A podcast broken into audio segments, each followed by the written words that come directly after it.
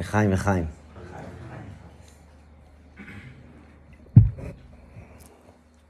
ברוכים הבאים לכל הפנים חדשות.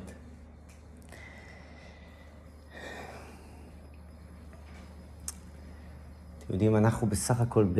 לא, בסך הכל, אבל אנחנו בפרק ב', הפרק השני בספר התניא. ואתם יודעים, אני, אני מלמד את התניא הזה, מנסה בעזרת השם ללמד את התניא, ללמד וללמוד, יותר נכון ללמוד, יחד עם האנשים שאני לומד איתם את ספר התניא.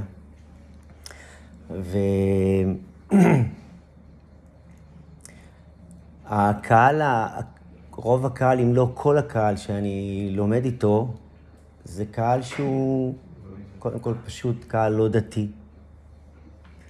אפילו יותר מזה, קהל אה, רחוק, כל מה שקשור לדת ומצוות, לפחות חלק מהם באופן חיצוני. ו...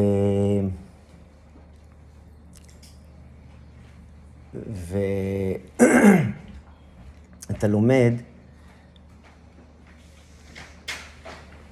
אני ב... ב... בתהליך האישי שלי, שעברתי והתחלתי ללמוד טניה, בעבר הרחוק שלי, חלקכם כבר שמעתם את ה, פחות או יותר את הביוגרפיה הקצרה שלי. אני הייתי דתי, עזבתי, והלכתי למסע נדודים, וחזרתי דרך אה, חסידות חב"ד, דרך גם חסידות ברסלב וכל מיני... עברתי איזשהו מסע. אבל כשהתחלתי ללמוד חסידות, בפרט חסידות חב"ד, בטח ובטח את ספר התניא, שם בהחלט הרגשתי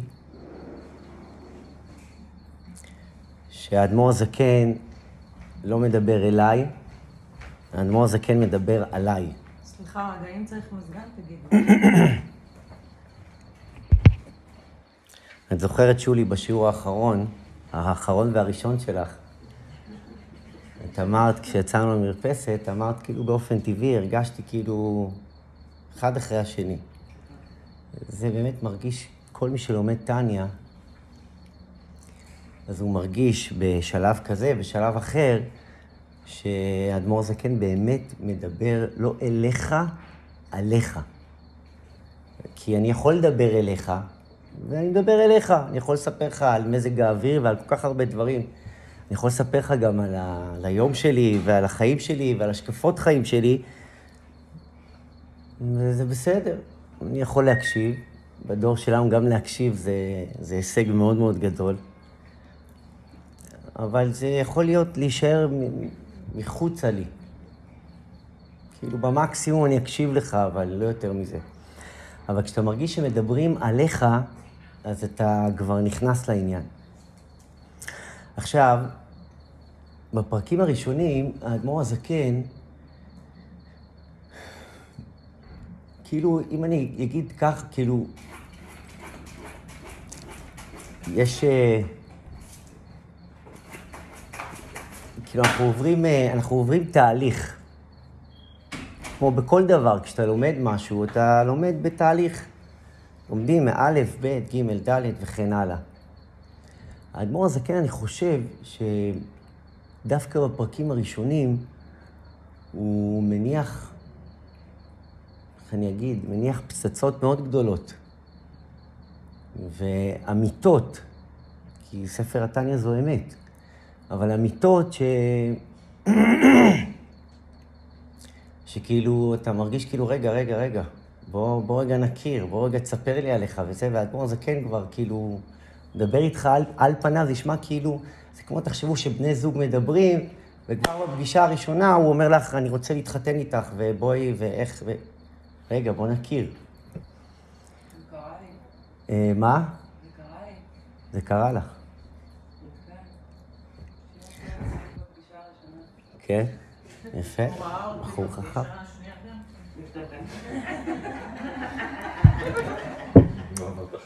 בחור חכם. אה? את רואה? כעסת והתחתנת איתו, והנה אנחנו פה. יש לנו את אור, ויש עוד איזה, נכון? יש עוד כמה שחקנים, ברוך השם. אבל אני לא מדבר עכשיו רק, בהק... אני לא מדבר בהק... זה כדוגמה, אבל האדמו"ר הזקן מניח אמיתות ש... שהן, שהן מאוד מאוד גדולות. שאתם יודעים, כשהייתי לומד את זה בשאר הקבוצות, והיינו כבר מתחילים פרק א', פרק ב', והייתה התנגדות מאוד מאוד מאוד מאוד גדולה. כי תראו איך פותח האדמו"ר הזקן את פרק ב'. פרק ב'. אתם זוכרים, פרק א', דיברנו על ה... בגדול, כן? האדמו"ר הזקן רק מניח את המסגרת.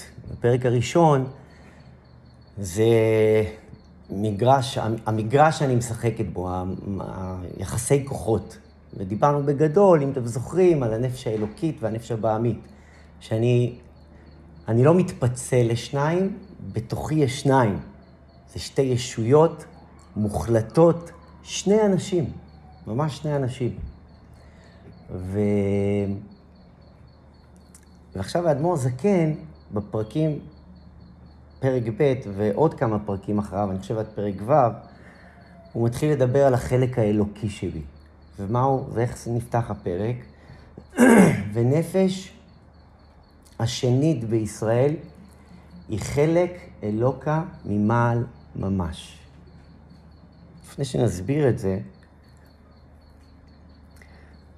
האדמו"ר הזקן אומר שהנפש השנית, זו שמצטרפת, בגדול אני אגיד לכם שאנחנו נולדים עם הנפש הבעמית, היצרית, החיונית, הטבעית, שזה הגוף שלי, וכל היצרים שהוא מביא יחד איתו, וכולנו מכירים אותו טוב מאוד, אנחנו חיים אותו, והוא מלווה אותנו, והוא הוא, הוא הכי דומיננטי.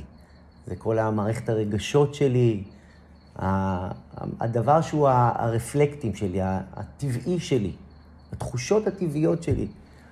אז זה משהו שאנחנו מכירים ומזדהים, ו... והאדמו"ר הזקן דווקא מתחיל מהנפש האלוקית. והוא אומר, והנפש השנית בישראל היא חלק אלוקה ממעל ממש. ואם רק נניח את הדברים, אומר האדמו"ר הזקן, אלוקים נמצא בך. לא שמה בשמיים, ולא רק לצורך העניין בבית כנסת, או בתפילות, או כשאתה מתחבר למצווה, אלוקים קודם כל בך. עכשיו, אתם יודעים, תחשבו ש... יש אנשים שגם אומרים כאילו, אבל רגע, אני בא לדבר עליי, אני בא לדבר על עצמי. אלוקים זה לא מחייב שזה משהו שתופס במציאות שלי. כאילו, גם יש שיגידו וגם אומרים, כן, אני, אני לא בטוח שאני מאמין בדבר כזה בכלל. בוא נדבר עליי. ולא, האדמו"ר הזה כן אומר, ונפש השנית בישראל היא חלק אלוקה ממעל ממש. קודם כל, אנחנו מתחילים בזה שאני אומר לך, אלוקים נמצא בך. אלוקים נמצא בי? כשאני חושב שאני חושב, אנחנו עוד נבין שאנחנו, אנחנו, תכף האדמו"ר הזקן יסביר גם מה זה אלוקים, אבל אלוקים נמצא בתוכי, רגע, בוא, רגע. כי אני חושב, אתם יודעים, חשבתי על זה בדרך לכאן, למה האדמו"ר הזקן מתחיל דווקא מה, מהאמת הזאת? למה, למה כאילו, בואו בוא נדבר על ה... אתם יודעים, על החיי היומיום, על ה... לאט לאט, בואו... אלוקים נמצא בי. אז יכול להיות שזה, לא יכול להיות, יכול להיות שזה במקומות מסוימים מעורר התנגדות. ואני חושב, זו מחשבה אישית שלי, אני חושב שאדמו"ר הזקן, לכאורה, מעורר בכוונה תחילה את ההתנגדות הזאת. למה? כי בהתנגדות נמצאת אני. אני נמצאת בהתנגדות. אתם יודעים, לכל אחד אתמול אה, למדנו בקבוצה אחרת על השליחות שלי בחיים, על התפקיד שלי בחיים. זה פרק מאוד מאוד מתקדם, פרק 41, ו... בעל שם טוב הקדוש, מייסד החסידות, אומר שהעולם הוא כמו סימפוניה אחת גדולה. תזמורת גדולה. ולכל נשמה בעולם יש את התו שלה. כל נשמה בעולם יש את התו ש... שהוא הוא התו הקריטי לתזמורת כולה. איך אני יכולה לדעת מה התו שלי? איזה, לאיזה, לאיזה, לאיזה, לאיזה תו אני שייכת? אז אתם יודעים, דוד המלך אומר, כדי לגלות את התו שלך בעולם, תקשיבו טוב, אתה צריך לחפש את ההתנגדות שלך. איפה נמצאת ההתנגדות שלך? דוד המלך אומר בספר תהילים, מאויביי תחכמני. אומר דוד המלך בפשט, מהאויבים שלי אני אקבל חוכמה. מה, מהאויבים שלי אני, אני אגדל. החסידות נותנת לזה עומק, טפח אחד עמוק יותר, באה ואומרת תורת החסידות, שמהאויבים שלך אתה תקבל את החוכמה הפנימית העמוקה ביותר בנוגע לנשמה שלך. כי איפה ששוכנת ההתנגדות שלך, שם נמצא התו שלך. שם נמצאת ההתנגדות שלך, שם אתה נמצא. תחשבו אם זה במערכת יחסים, אם זה בכל מסלול שבחיים. אומרת תורת החסידות, תדע לך שאיפה שיש לך התנגדות, שם נמצאת, זה לא רק העבודה שלך, שם נמצאת השליחות שלך, התפקיד שלך. ושם אתה צריך להיכנס. אז האדמו"ר הזה כן מניח את האמת הראשונה ואומר, אלוקים נמצא בתוכך. עכשיו אני אקרא את, ה, את ההמשך. ונפש השנית בישראל היא חלק אלוקא ממעל ממש. כמו שכתוב, ואיפך באפו נשמת חיים, ואתה נפחת בי. וכמו שכתוב בזוהר, מאן דנפח, מתוכן נפח. פירושו, מתוכיותו ומפנימיותו. שתוכיות ופנימיות, החיות שבאדם, מוציא בנפיחתו בכוח. בואו רגע נבין רגע מה הפשט שכתוב כאן. כשהקדוש ברוך הוא ברא את האדם הראשון, אז כתוב, ואיפך באפו נשמת חיים. הקדוש ברוך הוא נפח באדם הראשון נפיחה, ממש נפיחה, כמו, תחשבו כמו שאני מנפח בלון. זאת אומרת, מה שנמצא בבלון זה האוויר שלי, הנשימה שלי. זאת אומרת שכל המציאות של הבלון זו הנשימה שלי. זאת אומרת, האדמו"ר הזקן, הנשימה של הקדוש ברוך הוא זו הנשימה שנמצאת בתוכך. אל תקראי נשימה, אלא נשמה. הרב ג'ייקובסון פעם אמר שבכל נשימה ונשימה שהאדם נושם, הקדוש ברוך הוא נושם דרכו. מה זה אומר? שהקדוש ברוך הוא נושם בתוכי נשימה.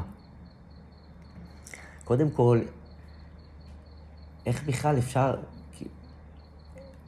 איך בכלל אפשר להניח נקודת הנחה כל כך גדולה כזאתי, ש... שאלוקים נמצא בתוכי. כתוב, לעולם יראה אדם עצמו כאילו קדוש שרוי בתוך מאיו. כמו שכתוב, קדוש בקרבך. שאגב, אומרים את זה, יש איזה, לפני תשעה באב, ויום הכיפורים, וכל הימים שאבלים, בין היתר אבלים על חורבן ירושלים. אז כתוב, אתה לא אבן על החורבן, אתה אבל על חורבן ירושלים, אבל ירושלים שנמצאת בתוך הנשמה שלך. היה איזה יהודי שבא לאדמו"ר הזקן ואמר לו, או בא אל הרבי שלו ואמר לו, כשאתה בא ואומר לי שאלוקים נמצא בתוכי, אז זה, זה ברובד הרוחני. בסדר, אז אני יודע שאלוקים, אני, אני בן של אלוקים, וכל הדברים שפחות או יותר שגורים בפי האדם. אבל זה ברובד הרוחני. אבל ביומיום שלי, ברובד הגשמי שלי, כשאני אצא מהשיעור ויחזור לחיים שלי, וזה קורה תוך שניות, ואפילו ברגעים אלה ממש, איפשהו הראש שלנו מונח ביומיום שעוטף אותנו.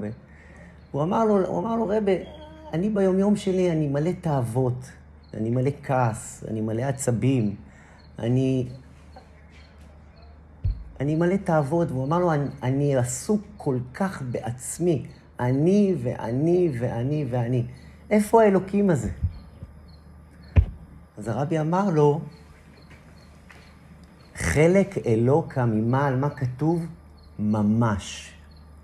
אתם יודעים, חלק אלוקה ממעל, זה אמר איוב. האדמו"ר הזקן בספר התניא הוסיף את המילה ממש. מה זה ממש? ממש, קודם כל, כפשוטו, זה ממש. זה לא, זה לא איזה משהו שאנחנו מנסים לצייר לך, זה באמת בתוכך. אבל יותר מזה, הוא אמר לו, בממשות שלך. זאת אומרת, אלוקים נמצא גם ביומיום שלך, גם במערכת היחסים שלך עם אשתך, גם בעבודה שלך, גם במחשבות שלך, גם בכל פינה ופינה שאתה הולך, אם בדיבור שלך, אם במחשבה שלך, אם במעשים שלך, אלוקים נמצא שם. עכשיו תחשבו מה זה אלוקים נמצא בי. מה זה אלוקים נמצא בתוכי? זה, זה, זה משהו ש... אני בעצמי, אני מדבר על זה, וזה נורא נורא קשה לתפוס את זה, להוריד את זה באמת ליומיום שלי. אבל בואו ננסה, בואו ניתן לעצמנו הזדמנות רגע להוריד את זה, להניח את זה על השולחן. כי בפרקים הראשונים אנחנו קודם כל צריכים להניח את הדברים. לאט לאט האדמו"ר זה כן, יש לנו עוד הרבה, יש לנו בעזרת השם דרך ארוכה להבין איך זה מתפרק. כי אגב, פרק ג', האדמו"ר הזקן כבר מתחיל לפרק את זה, איך זה פוגש אותי ביומיום, בתכונות האופי שלי. ו... אבל קודם כל נבין שאלוקים נמצא בתוכי, ואלוקים, אלוקים נמצא, יש נשמה אלוקית שנמצאת בתוכי, והנשמה האלוקית זה הרצון הפנימי שלי. זה מה שאני באמת רוצה. ואם תרצו, אני אקרא לזה הפוטנציאל שבי. ואם אני קורא לפוטנציאל שבי אלוקים, אז תחשבו איזה פוטנציאל יש בתוכי. כי אלוקים זה אין סוף. אלוקים זה, זה בעל הבית. זה, שברא, זה שאמר והיה העולם. זה שבורא את המציאות ומחדש אותה כל יום וכל רגע. אז הכוח האינסופי הזה נמצא בתוכי, בידיים שלי. אני, אני באופן אישי, כשאני חושב על זה, זה... אני מודה, זה קצת גורם לי אפילו להרגיש לא בנוח. אבל בואו רגע נחשוב רגע על, ה, על המישור הזה של פוטנציאל. תחשבו מה זה אם הייתי מניח לרגע, בואו נניח את זה לשעה הקרובה, שהפוטנציאל האינסופי נמצא בתוכי. אדמו"ר הזקן בא ומניח את היסוד היסודות עוד בהתחלה ואומר, תדע, לפני המסע ולפני הזה, תבין באיזה רכב אתה נוסע. לפני שאנחנו מדברים על היעד, ולפני שאנחנו מדברים על התחנות שתפגוש בדרך, והאתגרים, והתמרורים, וה... תבין, תבין באיזה רכב אתה נמצא. אתם יודעים, אני, אני, אני רק חושב על זה, כאילו, איך העולם היה נראה אם היינו קצת מאמינים, מאמינים, שאלוקים נמצא בתוכי. בתוכי. הפוטנציאל האינסופי נמצא בתוכי ורק מחכה שאני אתן לו ביטוי, שאני אממש אותו. ואני מדבר עכשיו ברובד של הפוטנציאל, של כוח הפועל, כוח המימוש. תחשבו איך העולם היה נראה. כל מה שאתה מחפש בחוץ נמצא בתוכך. וזה לא איזושהי, איזושהי, איזושהי מנטרה. תחשוב שכל מה שאתה מחפש נמצא בך. כל מה שאתה רוצה להגשים, כל היכולות שאתה רוצה לרכוש, נמצאות בך. איך זה גורם לך להסתכל בכלל על העולם. אגב, זה לא רק לגביי, כן? תחשבו שגם אלה שמקיפים אותי, כל אחד מהם זה אלוקים נמצא בתוכו. אתם יודעים שפעם היה איזה יהודי שבא אל הרבי מלובביץ' ואמר, אתם יודעים, הרבי היה מקבל, עדיין מקבל, היה מקבל אלפי אנשים שנכנסים אליו, והיו באים אליו מכל המינים ומכל הצבעים, גם שאינם יהודים. וכל אחד היה יוצא משם, גם אם זה ממש לשניות אחדות, היה יוצא מרומם, בצורה כזו או אחרת. אז פעם אחת שאל אותו אחד היהודים שעמד שם בטור, הוא אמר לו, תגיד לי, רבי, איך יכול להיות שלכל אחד אתה אומר את האמת שלו, את התפקיד שלו, את, או את הסיפור שלו, וגם אם זה סיפור לא כזה נוח, עדיין כל אחד יוצא מה, מה, מה, מה, מהדקה, מהדקות האלה שהוא איתך, יוצא מרומם. הוא יוצא לחשוב, הוא יוצא לעבודה, הוא יוצא לדרך, הוא יוצא למסע, אבל הוא יוצא. ולא משנה איזו אמת אמרת לו, הוא יוצא החוצה, הוא יוצא לפעולה. איך זה יכול להיות? הרי תחשבו, כל אחד מאיתנו, להגיד את האמת זה לא דבר פשוט. בטח ובטח כשהאמת היא ש... תשמע, אתה, אחי, אתה, אתה על המסלול הלא נכון, אתה פועל לא נכון, ו, וזה החיים, כן? בזוגיות אני צריכה גם להגיד לבן זוג, בת זוג שלי, שהיא לא פועלת נכון, שהיא עשתה משהו שהוא... היום הייתה לי שיחה כזאת עם מישהו שמאוד מאוד קרוב אליי, ו... ו... וזה היה לא פשוט. ו... אז הוא שאל אותו, איך יכול להיות שאתה אומר את האמת הזאת, ועדיין יוצאים ממך ו... ופועלים, וכאילו זה, זה, זה רק מניע אותם קדימה. אז הרבי אמר, כי כשאני מדבר ליהודי, אני מדבר אל, הת... אל הפוטנציאל שבתוכו. וכשאתה מדבר ליהודי, לפוטנציאל שבתוכו, הוא רוצה לפעול. אני לא מסתכל עליך מלמעלה למטה, אני מרים אותך למעלה ומדבר אל הפוטנציאל שבך. פוטנציאל שבך, תחשבו, ובכלל, זה עוד נדבר על זה הרבה בספר התניא. מה זה לדבר אל, אל הפוטנציאל שבך? זה אגב החינוך הקלאסי. את רוצה לחנך את הילד שלך, באיזה מצב ובאיזה סיטואציה שלא תהיה, תדברי לפוטנציאל שבו. אבל אנחנו ממהרים, כי זה הטבע שלנו, זה מגיע מהבעמית, עוד נדבר על זה הרבה בהמשך. אנחנו ממהרים להקיף את מה שמסביבו, איך התנהגת. התנהגת בצורה כזו וכזו, אז תתבייש לך. כי אני מתייחסת תגובתית, אני, אני מגיבה תגובתית למה שסובב סביבי.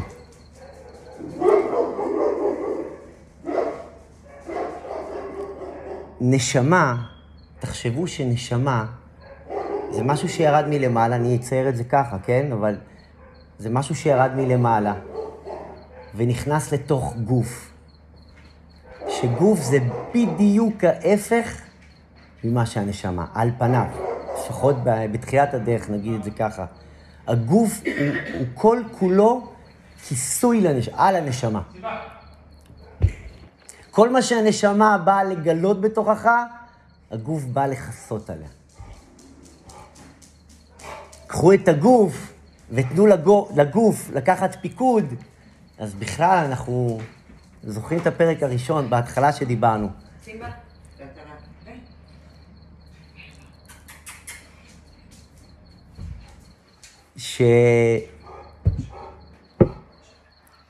שהנשמה נכנסת לתוך גוף, הגוף מספר סיפור שונה לחלוטין, כי הגוף הוא, הוא בהמה. אני אומר את זה בהמה, אבל אנחנו נדבר מה זה בהמה, אבל הגוף הוא הכי טבעי והכי... לגוף הזה מצ... מצטרף גם סיפור חיים. זה ההרגלים שלי, זה הדבעים שלי, זה הבית שגדלתי בו, זה הילדות שלי, זה החינוך שקיבלתי מההורים. ואגב זה נוצר סיפור בפני עצמו. והנשמה זה הפוטנציאל שמסתתר בתוכך. עכשיו תחשבו כמה קשה לדבר אל המקום הזה.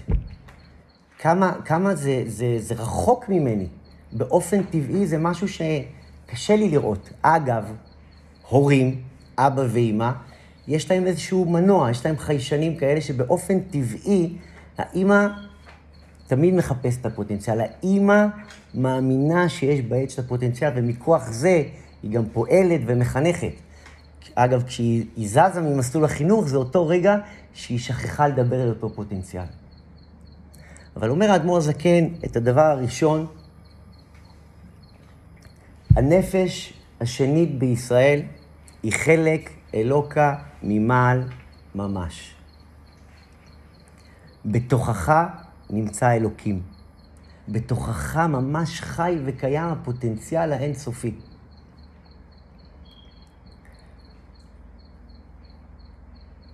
היה, היה אה, מאיר וילנר, שמעתם על מאיר וילנר? הוא היה, אה, אני מדבר איתכם לפני, זה היה מפלגת חד"ש, זה היה, אני חושב, מלחמת ששת הימים. ובמלחמת ששת הימים, מי שזוכר, זה התחיל המלחמה, אז הוא היה, הקים מפלגת חד"ש, והוא הוציא כתבה מאוד מאוד נחרצת נגד הצבא הישראלי, והוא קרא לזה הכיבוש הישראלי, טענות שלצערנו היום אנחנו שומעים אותן הרבה, והוא טען שכל מה שעושה צה"ל זה תוקפנות ישראלית, וזה כיבוש ישראלי. והוא יצא נחרצות נגד, אה, נגד צה"ל. הוא גר ברחוב הירקון, והגיע אליו איזשהו יהודי ניצול שואה. אגב, אתם יכולים לקרוא את הסיפור הזה גם, אה, זה סיפור שזמין לכל אחד באינטרנט.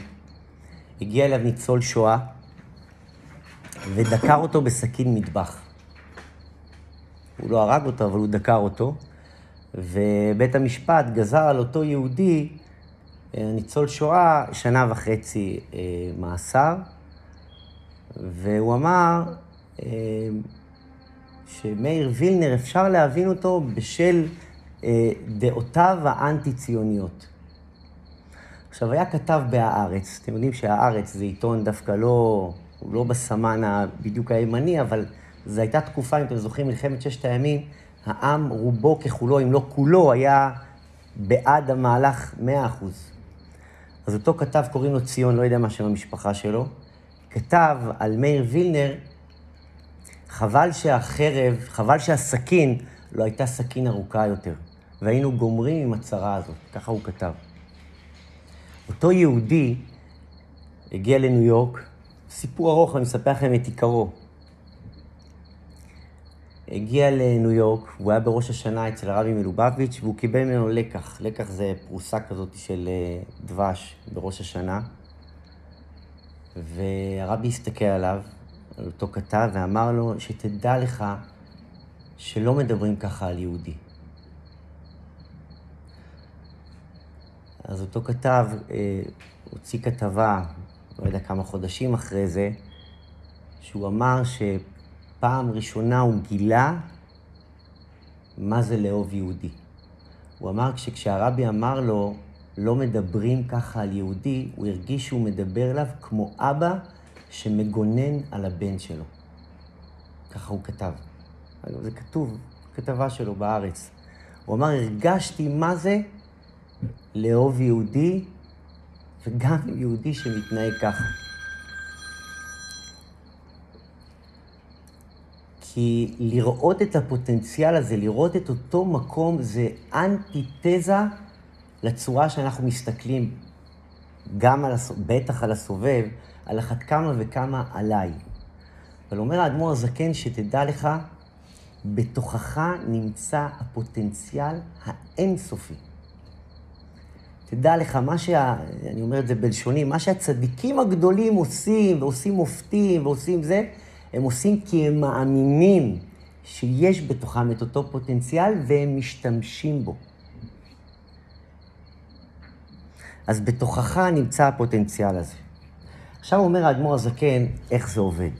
כך על דרך משל, אני קורא את ההמשך, נשמות ישראל עלו במחשבה, כדכתיב, בני בכורי ישראל, בנים אתם לשם אלוקיכם. פירוש, כמו שהבן נמשך ממוח האב, כך כביכול נשמת כל איש ישראל נמשכה ממחשבתו וחוכמתו יתברך. אומר האדמו"ר הזקן, אדמו"ר הזקן לוקח את זה לתהליך ההולדה. מה זה תהליך ההולדה? אתם יודעים, כתוב, אריסטו אומר את זה אגב, אריסטו אומר ש... שהאישה מעניקה לוולד, עוד כשזה זרע, האישה מעניקה אה, זהות, והאבא מעניק מהות. בזרע, ככה אריסטו כותב. וטיפת הזרע, שאגב, ממנה כולנו נוצרנו, בטיפת הזרע, באותה טיפה, נמצא כל המהות הפנימית של האדם, וזו בסך הכל טיפה אחת. אומר האדמו"ר הזקן, בואו בוא רגע נדבר על ההולדה, איך זה עובד. אני לא חקרתי את זה, אבל קראתי קצת מה שאריסטו אומר. אריסטו אומר שבכל תהליך של גבר ואישה, בתהליך הראשוני, עוד לפני שנוצרת הטיפה, הטיפה כתוב שוכנת במוח האב. מה זאת אומרת? אומר אריסטו שכל תהליך ההולדה נמצא במוח. וכשהאבא, כמובן בתהליך שאנחנו מכירים, מתייחד עם, ה, עם האישה, נוצרת הטיפה והטיפה מתחילה מהמוח ויורדת למטה ומתפשטת ומזה נוצר הגוף. אומר האדמו"ר הזקן, אנחנו נוצרנו ממוח האב. כמו שנוצרנו כגוף, בשר ודם, ככה הנשמה הרוחנית שלנו נוצרה מהמהות האינסופית, בדיוק כמו בתהליך ההולדה. זאת אומרת שהקדוש ברוך הוא העביר לנו ממהותו. מה זה ממהותו? באמת ב-DNA, אתם יודעים מה זה DNA? תחשבו, זה, זה פלא. אנחנו יודעים מה זה DNA בגדול, אבל תחשבו ש-DNA זה מערכת שלמה, מסועפת, מורכבת, חיה, נושמת, מורכבת. זה הדבר הכי גדול והכי מסועף, בטח גוף האדם, וכל המערכת כולה שלי, המוח, כל הרמ"ח איברים, שס"ה גידים, הרגשות, הנפש, רוח, מעשה, אתם יודעים, נדבר על זה עוד בהמשך, כל הדרגות, כל הסיפור של האדם נמצא בטיפה. בטיפה קטנה נמצא הכל. תחשבו על זה, זה פלא. כי, כי תחשבו, בתהליך בריאה נורמלי, אם ניקח את זה למישור הטכני. במישור הטכני אתה בונה חלקים, וחלק, ניקח רכב. חלק, אתה לוקח את המנוע לצורך העניין, ולמנוע אתה מוסיף חלקים. המנוע לא יוצר את הרכב, המנוע מניע את הרכב, ודאי, אבל המנוע צריך גלגלים, המנוע, תחשבו, רק בגוף האדם יש את הפלא המטורף הזה, הבלתי נתפס הזה, שטיפה אחת יוצרת את כל המערכת כולה. טיפה. דיברנו על זה בעבר, מבשרי יחזה אלוקה, זה, זה משהו שהוא, הוא, זה לא משהו שהטבע יכול באמת להסביר.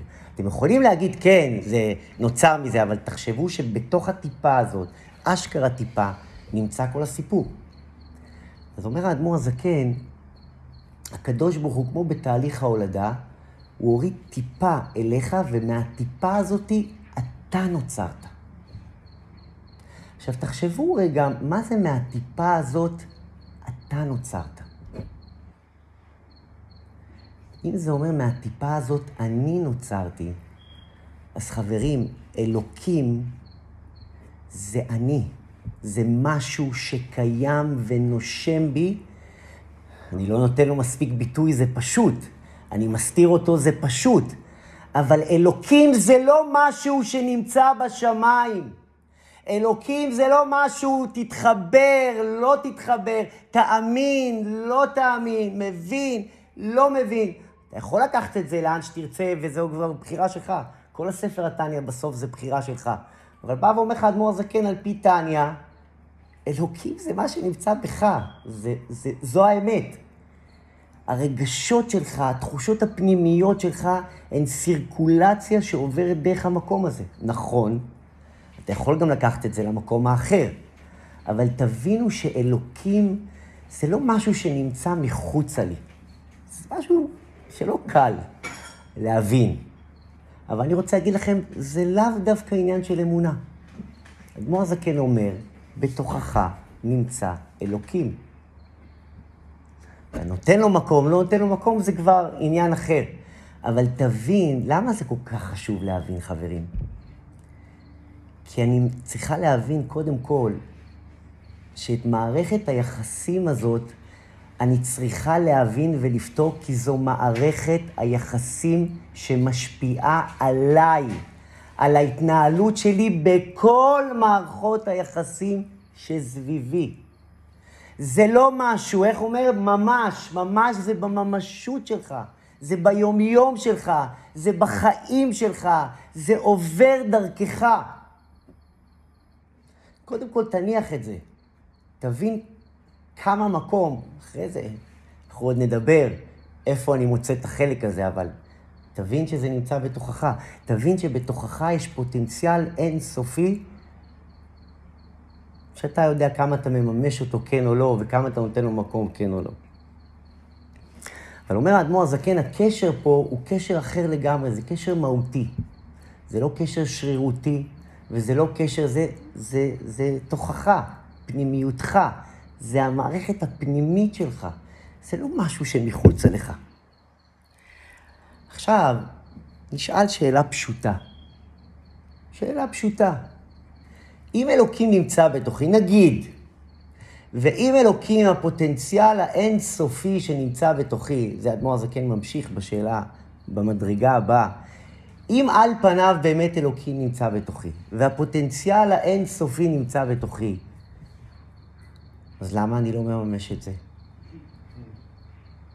אז, אז, אז למה, למה זה, או שנשאל בכלל שאלה אחרת. למה זה שאלה מצוינת? שאלה מצוינת? שולי, את אוהבת לרוץ. פה ועכשיו, תשובה. עכשיו אני רוצה. אין תשובות. אתם עוד תבינו שבטניה אין תשובות, יש שאלות. ודאי שמקבלים גם תשובות, אבל אנחנו צריכים קודם כל להבין. באנו לעולם לשאול.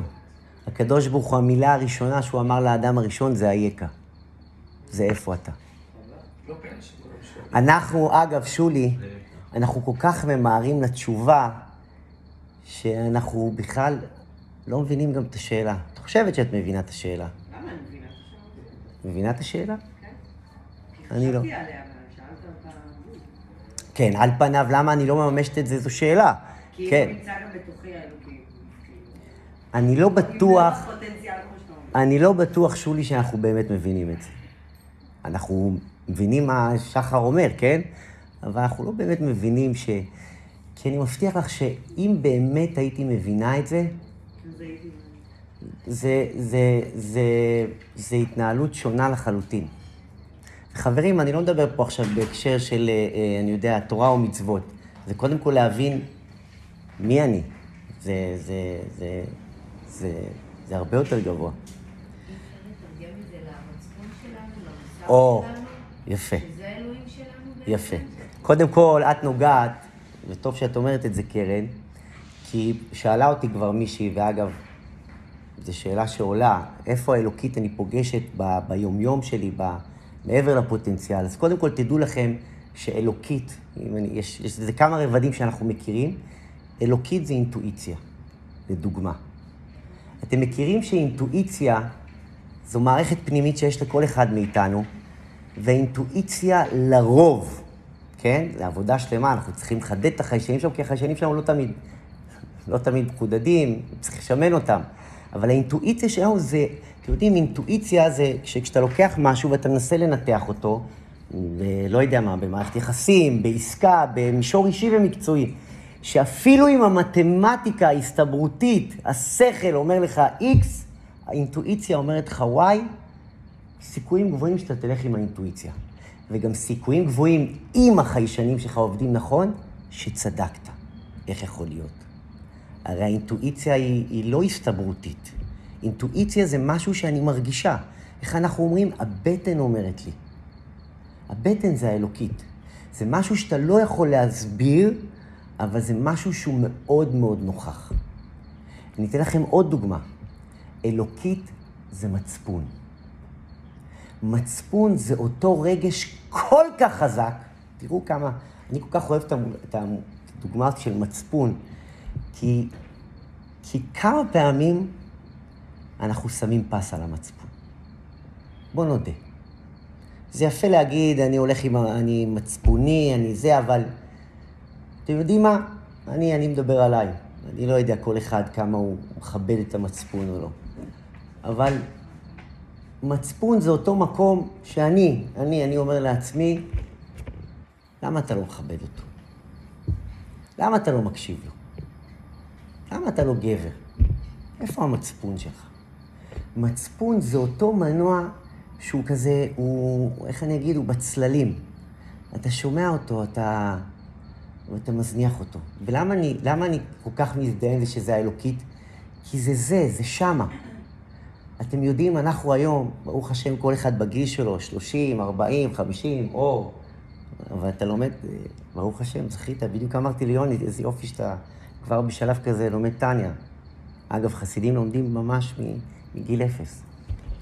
אבל כל החיים שלנו, שימו לב, שאנחנו גדלים, מתפתחים, עושים טעויות, נופלים, קמים, ואם תשימו לב, לאורך כל ה... היום אנחנו קצת יותר בוגרים, אז אנחנו קצת יותר בוגרים. אגב, ספר התניא זה, אני, קורא לזה בוא תתבגר.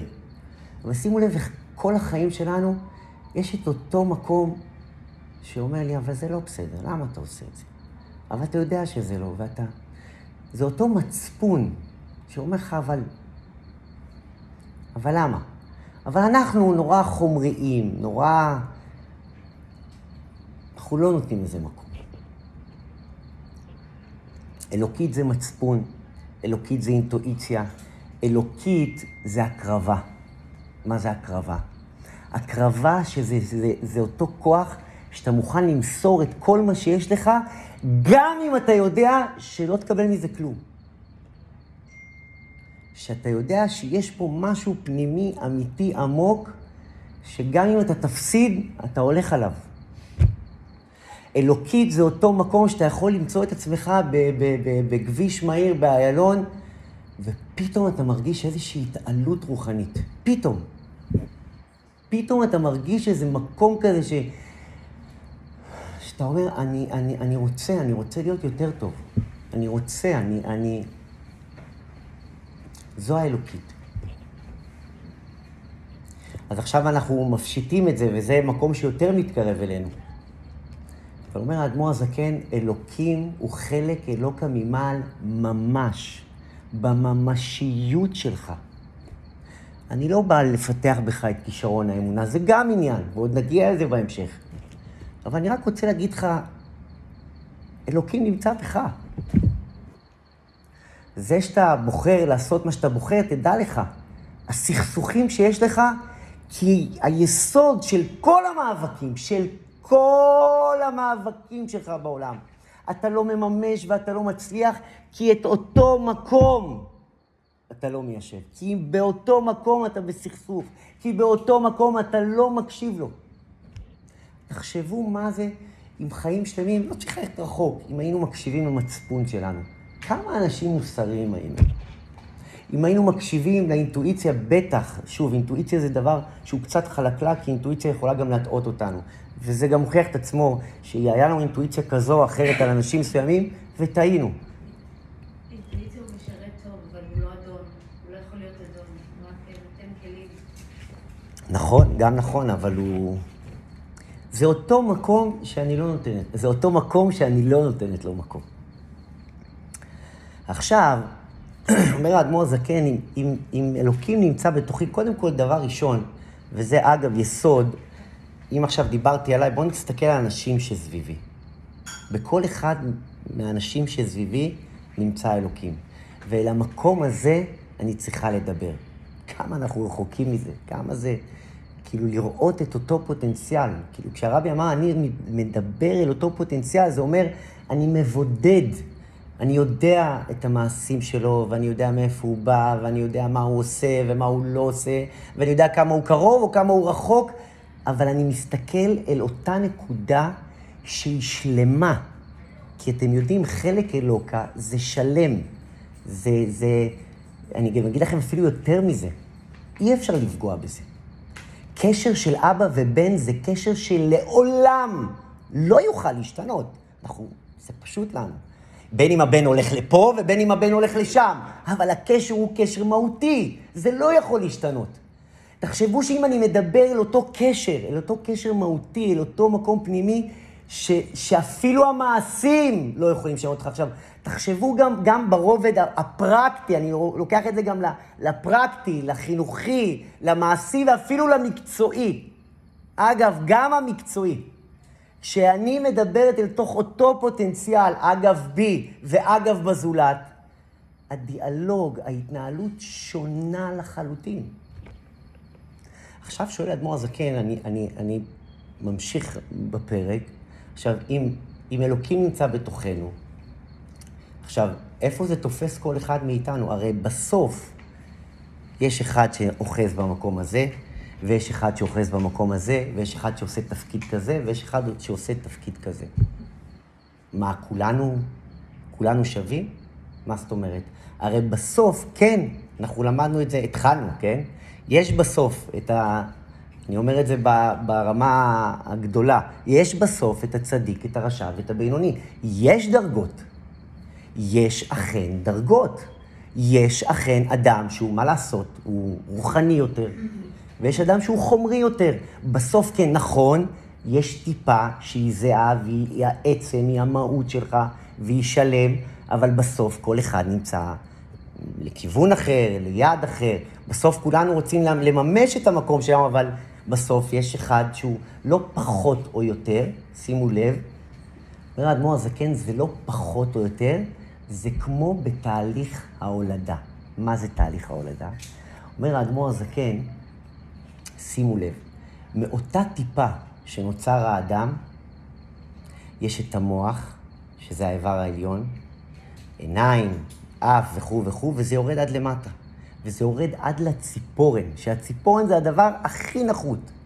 אומר האדמו"ר הזקן, הטיפה הזו היא טיפה שיצרה את כל גוף האדם, אבל עדיין יש היררכיה בתפקידים. שימו לב, תקשיבו טוב מה אני אומר. עדיין בגוף שלי, מה האיבר הכי חשוב? מה האיבר הכי חשוב בגוף האדם? מה? אגב, אומרים ש, שזה לא סתם בנוי ככה מלמעלה למטה, כי המוח הוא המפקד, ככה זה לפחות צריך להיות. המוח הוא המפקד, תחת הלב, הכליות וזה, יש סדר לדברים. בסוף, ניקח את האיבר, זה, זה הכי הכי נחות, הציפורן. האדמו"ר הזה כן מדבר על זה בפרק. הציפורן, המקום הכי נחות שאפילו אין בו חיות. אין בו, כאילו, יש בו חיות, אבל זה מקום הכי תחתון. הרגל, בואו ניקח את זה ככה, המוח הוא האיבר העליון, והרגל היא האיבר הכי תחתון. נכון, יש עליון ויש תחתון. עכשיו אני שואל אתכם שאלה. המוח זה האיבר הכי חשוב. על פניו, המוח הוא העליון, והרגל זה האיבר התחתון.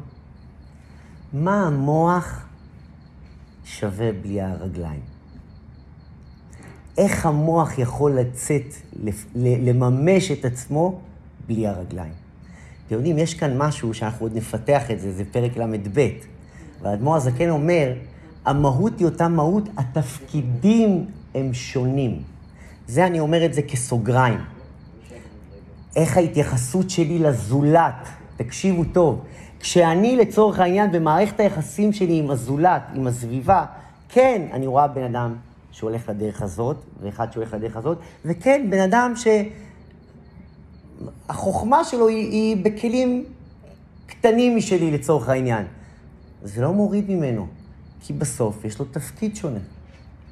עכשיו אומר האדמו"ר הזקן, לקראת סוף הפרק, יש את הראש. הראש, הוא קורא לו הרבי. מה זה רבי? רבי זה ראש בני ישראל. מה זה רבי? עכשיו תקשיבו טוב. כשאנחנו שומעים את המילה הזו רבי, הדבר הראשון שעולה לי בראש זה מה הרבי, מה... אז קודם כל, כן יש רבי, וכן יש ראש. אבל מה זה רבי? היה פעם פרופסור, מנתח, שנכנס אל הרבי מלובביץ' ביחידות, והוא היה פרופסור, אתם יודעים, פרופסורים זה מהאסכולה של, של המשכילים. והוא אמר לו, הוא אמר לו, what's the meaning of rabbi? מה זה רביי? כאילו, אני שומע את כולם קוראים לך רבי ורבי ורוכשים לך כבוד, כאילו, מה, מה, מה הפירוש של, מה, מה זה רבי? מה זה כאילו, אני לא, אני לא מבין מה זה. אני מבין שרוכשים לך פה הרבה כבוד ויש לך איזשהו תואר שקוראים לו רבי, אבל מה זה רבי? אז רבי אמר לו, רביי is a good friend. רבי זה חבר טוב. פרופסור ככה הרגיש ככה, משך בכתף, והרגיש כזה לא כך בנוח. אז הוא אמר לו, הוא כזה היה נראה מאוכזב, אז הרבי אמר לו, נראה לי שהתאכזבת קצת מהתשובה. הוא אומר לו, it's a anti-climax, זה כאילו, ציפית לאיזה משהו גבוה, ואני פתאום אומר לך, רבי, זה... אז הוא אומר לו, האמת היא שכן. כי גם לי יש הרבה חברים טובים. ככה אומר לו הפרופסור. אבל לאף אחד מהם אני לא קורא רבי. אז הרבי אמר לו, אני, אתה יכול לספר לי על החברים שלך? איזה חברים יש לך? אז הוא אמר לו, בטח. חבר, אתם יודעים, אמריקאי טיפוסי. הוא אמר, חבר שלי, חבר טוב בשבילי, זה חבר שאתה מסיים את היום העבודה שלך, יושב איתו בבר, ושותים כמה בירות, מחליפים חוויות מהיום-יום. משחק איתו גולף גם לפעמים בשבת, וזה חבר טוב. אז הרבי חייך אליו. אמר לו, אוקיי, בוא אני אספר לך מה זה חבר טוב שלי. חבל שאני לא זוכר את כל הציטוט, אבל אני אגיד לכם את עיקרו. אז הרבי אמר לו, חבר טוב זה חבר שאתה יכול לחשוב בפניו בקול רם. חבר טוב זה חבר שכל מחשבה שלך, אתה יכול לחשוב אותה בקול רם. הפרופסור קצת אה, התחיל לזוז בכיסא. אז הוא אמר לו יותר מזה. חבר טוב זה חבר שככל שתחשוף בפניו מחשבות יותר ויותר עמוקות, החברות ביניכם תלך ותגדל. והרבי אומר לו, חבר טוב זה חבר שכל דבר שתספר לו בעולם לא ישנה וכהוא זה בחברות שלכם. עכשיו אמר לו הרבי, Now I want to ask you, how many good friends like this you have? אז הרבי, אז הוא אמר לו, none.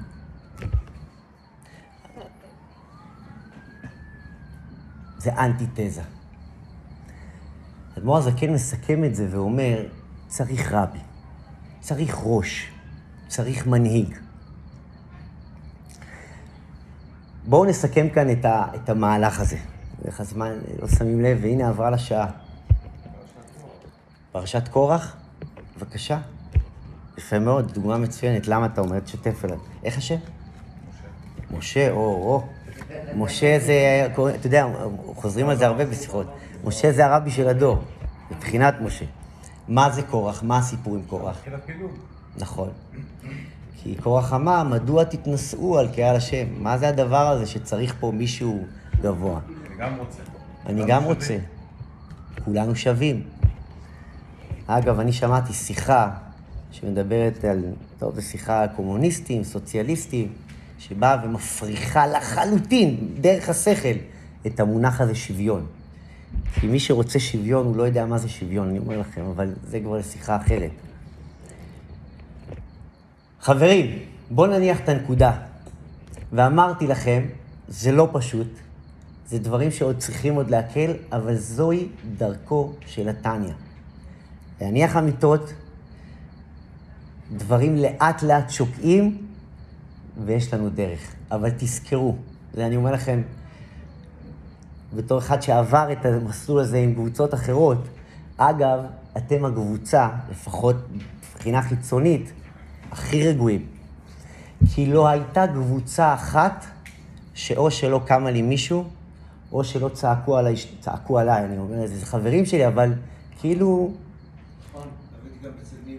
אצל נימי, כן, נכון. ש... לא, לא. משהו ואין להם 20 דקות. מה פתאום? בשקט. כמה זה מצוין. אגב, זה מומלץ, כי זה סכין מושחזת רק על ידי... זה מעיד על חיות, ודאי. עם זה התחלתי את השיעור, שהאדמו"ר הזקן דווקא מעורר את ההתנגדות כדי לדבר אליך. כי דווקא התנגדות זה המקום שאני ואתה מתחילים לדבר, זה השליחות שלך. חברים, בואו רגע נניח את הנקודה. תקשיבו. כל מה שאתה מחפש בעולם, וכל הכוחות שאתה רוצה לרכוש, והחלומות, והשאיפה, לא כל החלומות, כי יש לנו חלומות. ברוך השם, התבגרנו, ואנחנו מסתכלים על חלומות שחלמנו פעם. מה, על זה חלמתי? האדמו"ר הזקן בתחילת הדרך אומר, בואו תקשיבו באיזה רכב אתם נוסעים. אתם לא נוסעים בסובארו, אתם לא נוסעים בסוסיתא, ואתם לא נוסעים בזה, אתם נוסעים... אתם לא נוסעים, אתם נמצאים בקוקפיט. אתם נמצאים במטוס. רק להניח את זה שכאילו, אתם במטוס, אבל לא. אתם עושים חורים במטוס והולכים ברגל. אבל אתה בתוך מטוס, מה אתה מנסה ללכת? אבל בוא נניח את זה, בסדר, כי חכו. זה עוד מסע שלם להבין איפה המטוס הזה, ו... אבל זה המטוס, זה הרכב. אנחנו מעוררים את ההתנגדות הזאת, ברוך השם לא הייתה התנגדות, אבל אני מניח ש... אני מניח שיש בזה, בסדר, בסדר, לאט לאט. לא, שולי, אני ואת תכף נדבר במרפסת. אבל אני לא דיברתי על, מהמקום של לעשות רעש או לא רעש. זה, זה, זה, לא, זה לא דבר טוב וזה לא דבר רע וזה לא... יש עניין דווקא, דווקא לשוחח ולהתוועד וכולי, אבל זה משהו שגם יקרה אגב זה. אבל שתדעו, זו הדרך. ברכב כזה אתה נוסע, אני קורא לזה רכב, אבל בתוכך נמצא אין סוף, בתוכך נמצא הדבר הכי שלם, הכי בלתי אמצעי, הכי בלתי תלוי, וכל התפקיד שלנו, וזה מה שיעשה האדמו"ר הזקן בכל ספר התניא, לגלות את המקום הזה. כי זה התכלס, לגלות את החלק האלוקי שבך ולהוציא אותו לידי מימוש. כי כשאני מבינה את זה ואני מממשת את זה, וזה ש- מסע שלם כמובן, זהו. זה, אתם יודעים, האדמו"ר הזקן אומרים שהוא היה, דיברנו על זה בקבוצות אחרות, הוא היה אדם עצמי. מה זה אדם עצמי? הוא לא היה זקוק לעולם. מה זה לא היה זקוק לעולם? כי כשאני מבין שכל האוצרות וכל מה שזה נמצא בתוכי, ויש בזה, זה התנהלות שונה, בין אם... יש התמודדויות, כן? אף אחד פה לא פותר התמודדויות, וזה לא פתאום שאתה קם בבוקר ואתה אומר, זהו, ממש לא. זה התמודדות, אדרבה, זו תביעה לעבודה, כן? זה לא רק זכות, זו הרבה יותר חובה מאשר זכות. אבל אלוקים נמצא בך. לאחר מכן, האדמו"ר הזקן הסביר לנו שזו טיפה, כמו בטיפה בתהליך ההולדה, זו טיפה שיורדת אליך מהותית, ובסופו של דבר, כל אחד בתפקיד שלו, כל אחד במהות שלו, הלוואי, ואתם יודעים מה, אולי, איזה, נקרא לזה, אני יודע, שיעורי בית. בואו ננסה בן אדם אחד במעגל שלי. בין אם זה הילד שלי, בין אם זו בן או בת הזוג שלי, בואו ננסה, אפילו במחשבה, לחפש את המקום הזה, לחשוב עליו. איפה הפוטנציאל? איפה אותו מקום שהוא מעבר לגוף, לחוויות? אתם יודעים, בסוף, בסוף, בסוף, הדברים יורדים למטה. בסוף, כשיש התנגשות בין שני צדדים, בין, בין בני זוג או בכל התנגשות שהיא, בסוף כשזה יורד ושוכח ו, ומבארים את הדברים, בסוף הכל יורד, ואז מגלים את, ה, את, ה, את האמת. זה גם מה שקורה לנו בתהליך הבגרות. אגב, מה שאומר עכשיו האדמו"ר הזקן, אתם תבינו בפרקים יותר מתקדמים למה האדמו"ר הזקן התחיל מזה. קודם כל, תבין איזה כוח יש לך. כי אנחנו הולכים למלחמה מאוד מאוד מאוד גדולה, ובכל כמה פרקים מתקנת תגידו, בואנה, זה לא נגמר. האדמו"ר הזקן אומר, תזכור, תזכור. אתה בא בתלונות כי אתה לא מבין מה נמצא בך. כי אתה לא מבין שאלוקים נמצא בך, ואלוקים זו מערכת יחסים פנימית שנמצאת בתוכך, זה לא, לא בשמיים, זה לא שמה, זה בפנים. ושמה, שמה זה שורש מערכת היחסים שמשליכה על כל המערכות יחסים שבך. אז הפוטנציאל שבך הוא אינסופי, הכוח שלך הוא אינסופי, והרבי זה הראש, ויש ראש, ויש תפקיד, ואנחנו צריכים מנחה, כולנו צריכים מנחה, וכולנו צריכים, אני יכול להגיד לכם, אה, שאתם יודעים, גם בסוף, גם ב, בגישור, בכל מיני התמודדויות, בסוף, בסוף, בסוף, צריך רבי, צריך, צריך איזשהו center, צריך מישהו שיוביל. מה זה, מדריך? מדריך רוחני, מדריך, בסוף צריך ראש. את לא יכולה, ואגב, אנחנו עושים את זה הרבה. אנחנו לא תמיד מקשיבים לראש. זה העניין, אבל צריך ראש. אנחנו עוד נדבר על זה, אנחנו עוד נבער את זה, אנחנו עוד נצלול לזה. אה, לחיים, לחיים, יש למישהו שאלה, משהו? לחיים, לחיים.